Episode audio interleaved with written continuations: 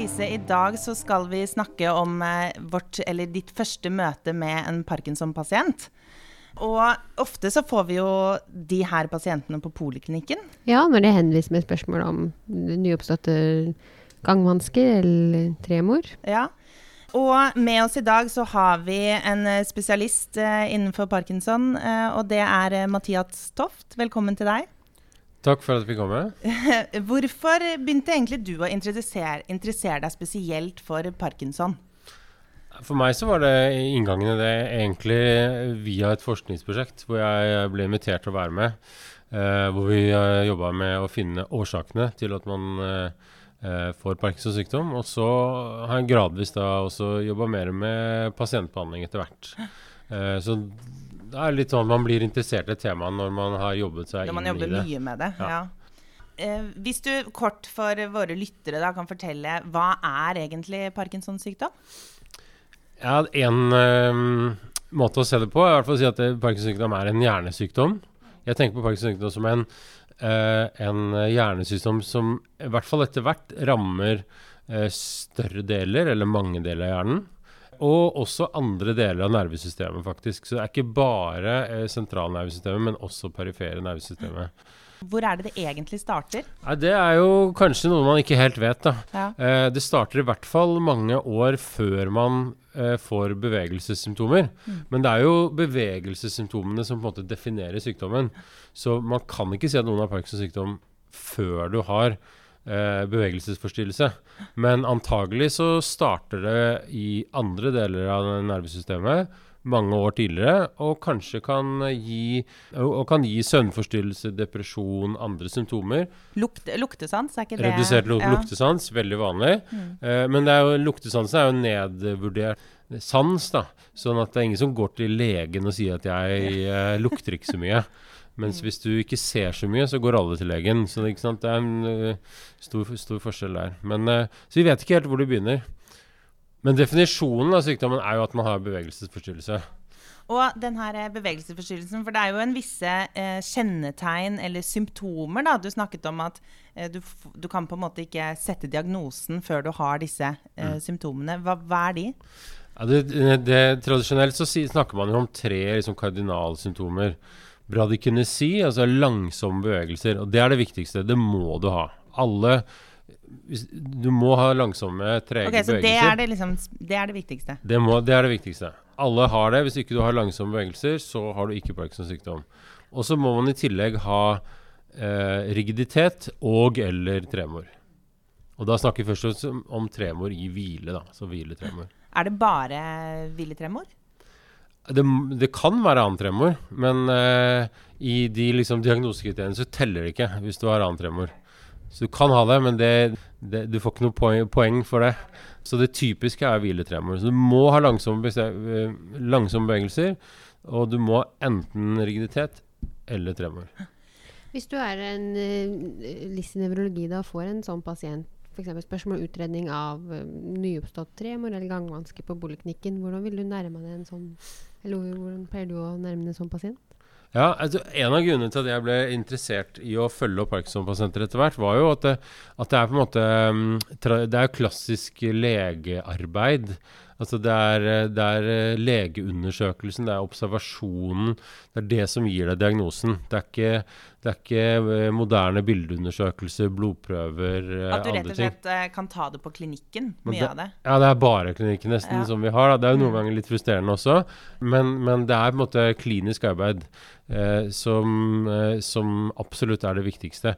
Og så er det noen tilleggsundersøkelser man bruker kanskje for å utelukke andre ting, men det er kjernen av liksom, vurderingen er legeundersøkelse. Og da kan man jo faktisk Eh, ofte mm, Eller da, da får man et inntrykk før du egentlig har begynt kanskje å snakke med pasienten. Altså det å gå ut eh, i poliklinikken, gå til Når du henter det i gangen, Ja. rett og slett? Ja. Når du møter i gangen, så, så, så kan man se Sitter pasienten og skjelver?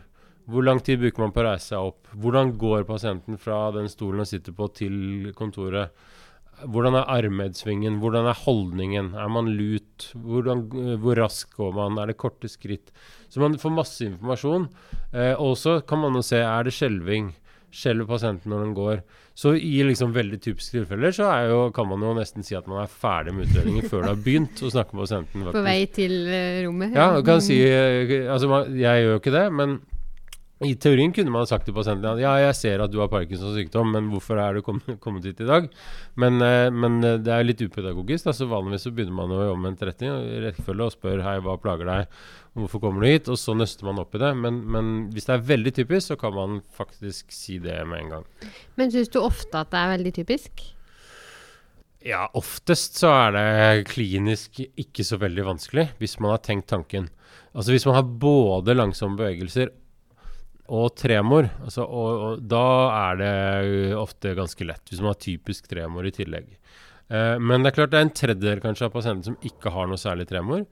Og da går det ofte mye lengre tid da, før de kommer til legen. Da er det ofte mye vanskeligere å tenke på at det kan være en nevrologisk årsak. Eh, jeg tror de pasientene har, Det går flere år før man ender på riktig sted. Da.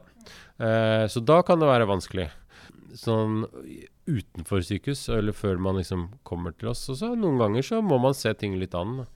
Eh, som helt fersk liss i nevrologi, så klarer du nok ikke å catche det her eh, i gangen på en måte på vei til rommet. Nei. Men, eh, og det vi ofte lurer på, er jo disse tilleggsundersøkelsene. Eh, F.eks. skal vi ta MR? Lise, hva pleier du hva Hvis jeg får en sånn pasient på poliklinikken? Ja, Hadde du tatt MR? Jeg pleier å gjøre det. men det er jo, eller Først gjør du full nevrologisk undersøkelse og de tilleggsundersøkelser med tanke på parkinsonisme. Men det er som Mathias sa, at tar, jeg bestiller alt, har alltid bestilt MR-kapet for å utelukke andre ting. da. Ja, man skal det. Man skal ha tatt et bilde i, som ledd i utredningen for å utelukke andre ting. Men man ser jo ikke Parkinsons sykdom på MR. Neida. Så derfor utelukke. Så ble det tatt i fjor av fastlegen eller i forfjor, så bestiller ikke jeg på nytt. Hvis det er etter debut og symptomer? Ja, hvis det er sånn cirka. Hva er det man ser etter da? På MR som en annen type årsak som kan gi de samme tingene, da? En vanskelig tilstand sånn som normaltrykkscefalus kan jo ligne på en parkinsonistisk gangforstyrrelse, f.eks. Mm. Infarkt i Masse småkarsykdom. Mm. Mm i basalganglene. Det er jo kanskje de to vanligste tingene. Men ofte, Vi, vi snakka jo litt om klinisk undersøkelse. Jeg tenkte, kan, vi ikke snakke litt mer om det? Jeg synes uh, Ofte når du får på poliklinikk, så gjør man standard nevrologisk undersøkelse. Men de her tilleggsundersøkelsene som går på eh, bradykinesi Noen ganger står det ofte bradykinesi akinesi. Mm.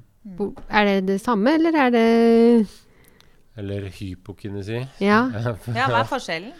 Ja, eh, altså Akinesi betyr vel egentlig fravær av bevegelse, sånn språklig sett. Det er jo litt sånn dramatisk ord, tenker jeg. da. Ja. Altså at Hvis du er akinetisk, så beveger du deg faktisk ikke i det hele tatt. da kommer du deg ikke fra gangen inn på rommet. Ja, nei, Jeg har sett et par pasienter som har vært av ulike grunner uten medisiner og har vært helt ubevegelige. Så de har vært akinetiske. Hypokinetiske betyr vel av mindre bevegelser. Mens bradykinesi tenker jeg betyr vel noe sånt som trege bevegelser. Uh, mm, så, men det er klart hypobradikinesi-begrepene brukes nok litt sånn om hverandre. Hva er en god undersøkelse? Hvilke liksom, tips og triks ja. kan du gjøre for, uh, for å teste bradykinesi? Ja, det, det, viktige med bradykinesi er jo at det er uh, Det er ikke bare at det er langsomme bevegelser, men at, det er, at bevegelsene blir langsommere under undersøkelsen. Ved repetisjoner. Ja. Det er mange grunner til å være treig. Altså Hvis du har hatt et hjerneinfarkt og har hemiparese, så får, har du ofte langsomme bevegelser. Men ved eh, parkinsonisme så, eh, så, er det det at du gjentatt, ved, ved repetisjoner så blir hastigheten lavere etter hvert. Og sånn For lytteren nå, så, så gjør du de her bevegelsene med tommel mot ja, pekefinger. Finger, fingertapping, ja, som det heter. Det er kanskje noe av det mest følsomme, da, som mange har størst problemer med. Man kan gjøre gjentatte håndknytninger, eller uh, det som heter alternerende håndbevegelse, altså man vrir på hånda. Mm. Uh, og da blir det bevegelsen saktere og saktere. Ja. Uh, etter hvert. Og også amplituden mellom, mellom tommel og pekefinger altså, blir mindre. Det kan både være at tempoet blir langsommere, og at liksom, bevegelsene blir mindre. At utslaget eller amplituden blir mindre. Eh, eller at det blir litt sånn hakkete. og eh, det, det, er litt individuelt akkurat hvordan det er. Men, men en slagpasient vil være liksom like treig hele tiden hvis han gjør ti fingertappinger. Mens en Parkinson-pasient vil få en, eh, en, en, tydelig reduksjon. Da. Så det er liksom Da er det kunne si. Det er det som er Og så kan man gjøre det samme med underekstremitetene. Man kan gjøre tåtapping, da, f.eks. Uh, men det er litt vanskeligere å bedømme. Da må du sitte og ikke ligge. Og vurdering av tremor, da? Ja, tremor, tenker jeg at I og med at det er hviletremor, så må man sørge for at pasienten hviler. Fordi hvis man har litt tremor, hvis man har lett hviletremor, så er det veldig lett for pasientene å undertrykke tremoren. De har uh, de lærer seg triks. De putter hendene i lomma eller sitter De folder hendene, de eh, spenner muskulaturen, eh, sånn at ikke tremoren blir synlig. Og hvis man er vant til å gjøre det i det daglige, så kan det godt hende at man gjør det inne hos eh, legen også. Så da er det det å få pasienten til å eh, være ordentlig hvile, at hendene ligger, ligger i fanget. Ja. Og, og, liksom slapper ordentlig av. Og så eh, kan man liksom aktivere, psykisk aktivering stresser pasienten litt, så kommer tremor mer tydelig fram. Det kan være typisk å gjøre et regnestykke eller telle baklengs fra 20 til 10. Eh, eller sånn del av eh, MMS sånn 100 minus 7. Eh, ikke sant? Og, så, at man må konsentrere seg litt. Da kommer tremor mer tydelig fram. Så det pleier jeg å gjøre. Av og til så snakkes det liksom om ulik hatch på det tremor. Sånn, skal vi bry oss på en måte mye om det, eller er det ja, det er jo vanskelig å telle den der frekvensen, da. Men, eh, men du kan si uh, Hvis du har sett parkinsonistisk tremor noen ganger, så, så, kjenner man igjen liksom hastigheten, på en måte. Så sånn sett så uh, gjør jeg det. Jeg sitter aldri og teller, men, men Hvordan skal du telle da? Nei, det, det går jo på en måte ikke. Nei. Jeg vet ikke om det går, men du, men du, kan eh, Da må du nesten ta det på video eller gjøre nevrofysiologi eller et eller annet for å få den frekvensen ordentlig. Men hvis du skal skrive noe i en bok Det er vel derfor man er så vant til denne hertz at, så må man på en måte skrive det da, hvis man skal si noe om, om noe er raskt eller langsomt. eller noe, Men den er jo, gans, den er jo ikke så rask, en parkinsonistisk tremor. Og så er det jo typisk? Man snakker om pilletrille-tremor. Det er jo det er ingen som triller piller lenger, men de gamle apotekerne gjorde det. og da da har man en, en bevegelse. Liten sånn rund bevegelse? Ja, ikke sant. Mm. Mm. I, I, hånda, da, som er det kanskje mest uh, typiske. Da. Mm. mm. Så hvis du sammenligner ofte det vanligste, eller kanskje uh, essensiell tremor som DIF-diagnose, da, ja. er jo hvordan skal vi skille de to, f.eks.? Det syns jeg har vært en problemstilling.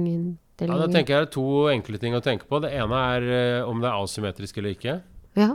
Parkinsonisme ved Parkinsons sykdom så er jo det vanlig at det er asymmetrisk. Skal jo Det er mer eller mindre, eller klart oftest, mer eller mindre alltid asymmetri. Um, mens essensiell tremor er stort sett ganske symmetrisk.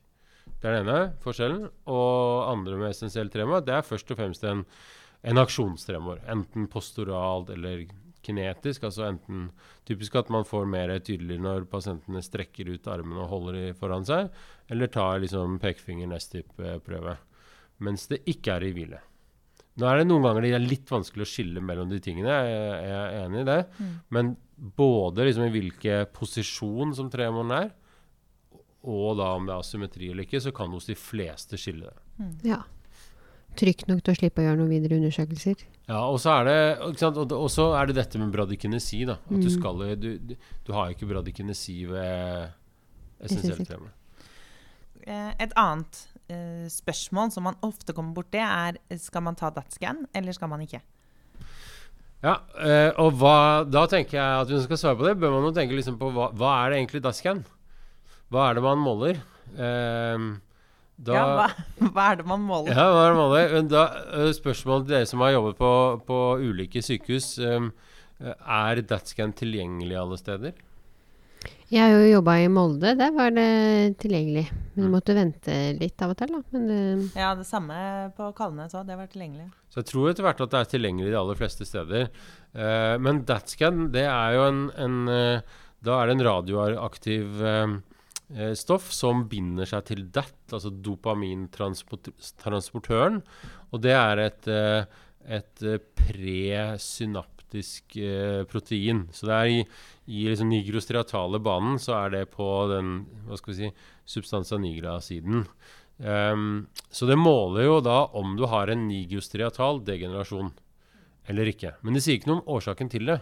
Så hvis du lurer på om pasienten har Parkinsons sykdom, eller en form for atypisk parkinsonisme, så hjelper det ingenting. Det kan jo være litt sånn støttekriterier, eller det, du kan jo ja, Du føler deg bedre?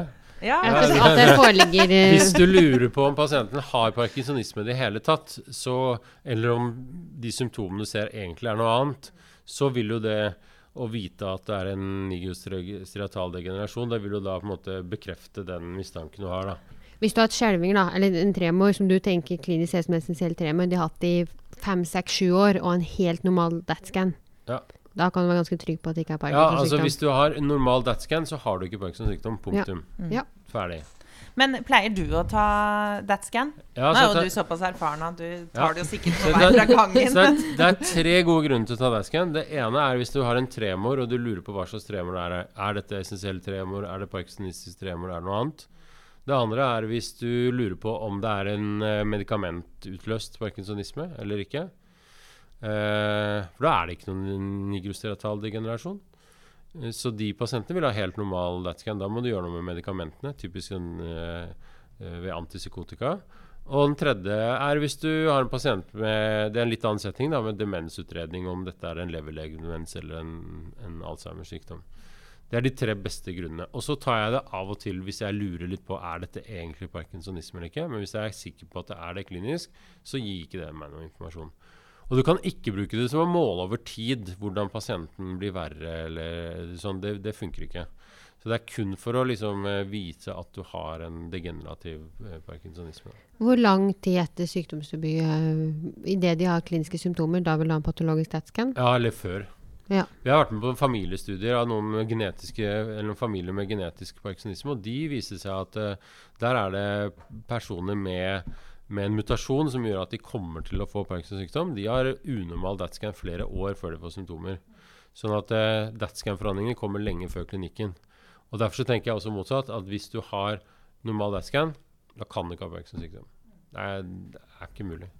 Da er det enten noe feil med DAT-scannen, eller så er det noe feil med din, dat- din diagnose. Hvis vi går litt videre til eh, medikamenter eh, Vi glemte det siste ja. kardinalsymptomet, rigiditet. Ja, rigiditet. Så det er økt eh, muskeltonus som man får ved langsomme eh, bevegelser. Og mange har jo et sånn tannhjulsfenomen som eh, man kjenner best i armene. Jeg syns i beina så er det veldig sjelden at man kjenner Men best i håndleddet håndledd òg, eller? Er det det, det samme? ja, kanskje, men det varierer litt. Ja. Og jeg vet ikke hvorfor det. Noen har mest Jeg undersøker alltid både i håndledd og i albuen, men også eh, og, og det varierer eh, hvem som eh, har eh, mest tydelig rigiditet i hvilket ledd. Eh, beina er, er kanskje litt mindre generelt, og også litt vanskeligere å undersøke, syns jeg. Da må du nesten ha pasienten liggende hvis man skal gjøre, finne det enkelt. Og i beina så har man ikke noe tannhjulsfenomen som regel. Der er det bare økt motstand. Så da Noen syns jo det er eh, vanskelig å skille rigiditet fra spastisitet. mm. Eh, har du noen gode tips der? Ved rigiditet så har man jo eh, økt tonus ved langsomme bevegelser, mens ved spastisitet så er det jo på en måte hastighetsavhengig. Hvis du har raske bevegelser, det er jo da du utløser eh, spastisiteten. Så det syns jeg egentlig ikke er Det, jeg, det er ganske sånn ytterpunkter, på en måte. Det som er mye vanskeligere, syns jeg, det er hvis du har pasienter som har sant, kontrakturer, f.eks. Sånn, da blir det håpløst. Eh, altså som, er, som har eh, økt motstand hele tiden da, i, i eh, muskulatur. Um, så Men uh, Eller hvis ikke, det er, på en måte, hvis ikke det er helt tydelig, hvis det bare er litt økt tone, så er, kan det jo være det vanskelig li- å på en måte skille. Ja Men jeg hørte en gang et sånn tannhjulsrigiditet at man tenker at det er tremoren som slår litt inn. Stemmer det, Mm. eller? Jeg tror det kanskje egentlig ikke er det, faktisk. Selv om det er det man eh, For det er mange som har tannhjulsrigiditet uten at de har tremor. Mm. Tar du alltid og sjekker liksom kontralateral aktivering? Ja? Det var godt, eh, godt du spurte om. Det er jo et, et tips og hvis man lurer på om noen har rigiditet. ehm, så hvis man ikke finner rigiditet ved vanlig undersøkelse med pasienten helt i hvile, så kan man eh, aktivere pasienten med at eh, man gjør bevegelser i motsatt side mens man undersøker rigiditet. Og da kommer det mer tydelig fram. Så hvis du ikke finner noe, så kan man gjøre det. Og en som har kjent Parkinsons sykdom, eller hvor det er spørsmål om parkinsonisme, så gjør jeg det hvis man ikke kjenner noe ellers. Sånn at du f.eks. løfter opp og ned din motsatte arm, da. Hvis vi skal gå litt videre eh, og tenke på behandling, da. Ja. Nå har det jo vært litt eh, diskusjoner med tanke på medikamenter og hva man egentlig skal starte opp med. Hva er dine erfaringer? Altså Det man må i hvert fall huske på, er at det som er mest effektivt, er levodopa. Eh? Levodopa er forstadiet til dopamin. Så det omdannes til dopamin i hjernen. Det er dopamin du mangler. Så du fyller på lagrene av det du mangler, eh, for å si det enkelt. Alle pasienter med Parkinsons sykdom skal jo ha levodopa en eller annen gang. Spørsmålet er mer om du skal starte med noe annet først. Første år eller to, eller kanskje maks tre-fire år. Så om man skal starte med en gang, eller om man skal få det etter hvert. Men, du, men alle vil jo få levodopa etter hvert. Vil du, ha en, eh, vil du på en måte få en dårligere respons på levodopa hvis du står på det over flere eller lengre periode? Nei. Og det er, godt spurt, det er bra spurt om. Det er en slags misforståelse. At man, eh, noen har liksom tenkt at man har noen år hvor, med, med levodopa-effekt, og så har du brukt opp eh, kvota di da, etter noen år. Det er eh, Jeg ser ikke på det på den måten. Jeg tenker sånn at det som skjer etter hvert, er at det er mange pasienter som får symptomer som ikke responderer på levodopa. Men det er fordi sykdommen utvikler seg. Det er fordi sykdommen da har begynt å påvirke andre deler av hjernen, andre systemer i hjernen som ikke har noe med dopamin å gjøre. Derfor virker ikke levodopa. Det er samme om du hadde begynt med levodopa litt før eller senere. Det er sykdomsprogresjonen som da gjør at levodopa ikke virker. For jeg har hatt noen pasienter som har kommet inn, og så har man snakket om at man skal begynne på levodopa. Og så er det Ja, så har de også Jeg har lest seg opp på sykdommen og fått en forestilling om det her, da. Ja. Eh, at å, men kanskje man skal vente med det, eller eh, på grunn av eh, at de tror at det da har en dårligere effekt Mm. på en måte jo flere år du går på det. Eh, men, og det har ikke noe å si med dose heller, eller? Nei. I, eh, levodopa er ikke skadelig. Eh, det er eh, kanskje Altså, om du tar levodopa tidlig eller sent, masse studier av dette, det er ikke, påvirker ikke sykdomsutvikling Altså hastigheten av det. Men det har litt å si for hvor lang tid det tar før du får det man kaller motoriske komplikasjoner. da, At man får perioder med over- og underdosering. Så det har litt å si for det. Særlig hos de litt yngre pasientene, som er de som har mest risiko for å få det. Uh, derfor så har man jo mye behandlet yngre pasienter litt annerledes, da, hvor man har holdt litt tilbake på levodopa. Men, eh, og da har man jo ofte startet med dopaminantagonister. Eh, Agonister. Ja, agonister. Unnskyld. Mhm. eh, men starter du med det? For det er jo mye nå med disse kan bli spillavhengige og Ja, det har vært veldig mye fokus på det de senere årene. Bivirkninger av dopaminagonister med det som kalles liksom, impulskontrollforstyrrelser. Spilleavhengighet, hyperseksualitet, overspising. Um, og eh, jeg mener at man kan bruke dopaminagonister, men man må være veldig nøye med informasjonen til pasientene om at disse bivirkningene finnes, og man må følge opp. Og man bør helst også gi informasjon og følge opp pårørende. For det er ikke alle som merker det selv, eller sier, vil si det, dette er skambelagt, det er vanskelig osv. Så, videre. så jeg har mange pasienter som har eh, eh, hatt veldig alvorlige bivirkninger. Så, jeg, sant, så det gjør man litt, litt skeptisk. Men så er det en del personer som har veldig god effekt og ikke merker noe til det hele tatt. Det er også litt kan ha litt antidepressiv effekt og sånn, eh, dopaminagonister. Så så lenge ikke det blir for mye, så kan det hende at det har liksom psykisk gode effekter. Så, så jeg bruker det, men man bruker liksom med en måte. Men bruker du det da eh, på de yngre pasientene? Og så er spørsmålet hva er yngre, da. Men litt eldre, 70 pluss, så starter jeg aldri med dopaminagonist. Eh, og de fleste eldre de må slutte med det uansett, fordi de får hallusinasjoner eller blodtrykksfall eller andre eh, bivirkninger. Så da tenker jeg det, det er feil. Men hos de yngre så gjør jeg det, men kanskje en litt moderat dose. Eh, og ofte i kombinasjon med levodopa. Vi tenkte jo å ha en egen episode om behandling og behandlingsalternativer, men sånn helt enkelt, da, så eh, enten levodopa eller dopaminagonist Ja, i første og omgang. ofte, hvis man skal ha dopaminagonist, i kombinasjon med levodopa, da, sånn at man har litt av hvert. For eh, ferske LIS i nevrologi, da, hvor er det man kan finne mye bra eh, tilgjengelig informasjon? Altså, vi har jo selvfølgelig Nell, eh, og der står det ganske bra, i hvert fall da, sånn eh, diagnostiske kriterier, og det er ganske Mm. oversiktlig.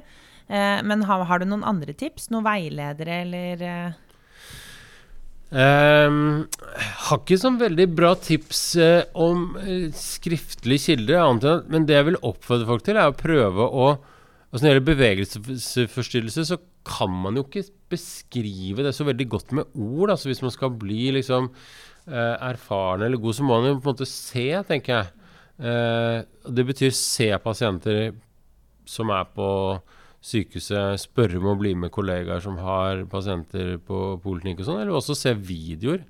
Når, vi er på konferanser om bevegelsesforstyrrelse, så er det jo eh, så er det jo litt morsommere enn en del andre deler av nevrologien. For vi ser jo på video halve, halve Ja. tiden, liksom. Eh, eh, men det lærer man veldig mye av, da. Og det er jo visuelt. Mange har jo mye lettere for å eh, Huske, huske og forstå ting hvis man ser det. YouTube har jo alltid mye bra videoer, da. Og UPDRS-skjema er jo har vi ikke snakka noe om, men det Mm. Eh, hvor ofte på en måte bruker man det sånn på en poliklinisk time, eller? Mm. Ja, altså Når det gjelder UPDRS, da, som jo er en undersøkelse av motorisk eh, funksjon, og spesifikt i Parkinson-funksjoner, funksjoner, så uh, det er ikke alltid at jeg scorer skjemaet i forbindelse med at pasienten er der, men jeg gjør nesten alltid hele UPDRS. Det er det jeg gjør egentlig når pasienten kommer på kontroll. da. Ved nydiagnostiserte pasienter så gjør vi liksom tilleggsundersøkelser på en måte full nevrologisk status. Men ved kontroller så er det egentlig UPDRS som jeg gjør, da. Og det, hvis man har gjort det mange ganger, så det tar fem minutter Ja, maks. da sitter det. Ja. Mm. Uh, så det er eh, for å fange opp om forverringer, tenker jeg. Det er en veileder fra Helse Stavanger som er noen år gammel nå. Ja. tror jeg.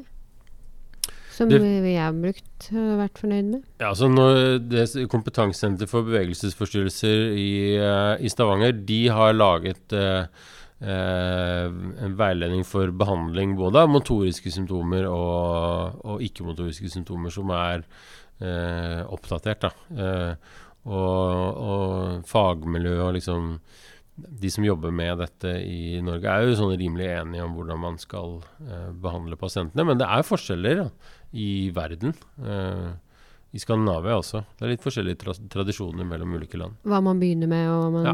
Asilekt, ikke asilekt. Eller, Ja, men også på uh, hvor mye man bruker levodopa versus dopaminagonister og sånn. Ja. Noen steder noen ganger har du det litt med helsesystemet å gjøre, og hva som betales og sånt, men Mm. også andre tradisjoner er litt ulike. Eh, da tror jeg vi snart skal runde av. Eh, Lise, har du noen flere spørsmål som du sitter og verker etter å spørre? Jeg har fått spurt, eh, stilt en del av dem. Ja. Eh, Mathias, er det noe du føler at eh, eh, du har lyst til å supplere med, eller? Jeg tenker jeg kan si én ting. Det er jo at eh, Du spurte jo helt på begynnelsen om hvorfor jeg eh, ble, begynte å interessere meg for eh, pasientgruppen. Og eh, et annet spørsmål er jo hvorfor man fortsetter å jobbe innenfor et eh, felt. Og, og for min del så tenker jeg at eh, det er eh, Først så liker jeg det å følge pasienter over tid. da. Det er en pasientgruppe som eh, man eh, følger i mange år. Man blir litt kjent med hver enkelt pasient. Eh, man har alltid noe å tilby behandlingsmessig.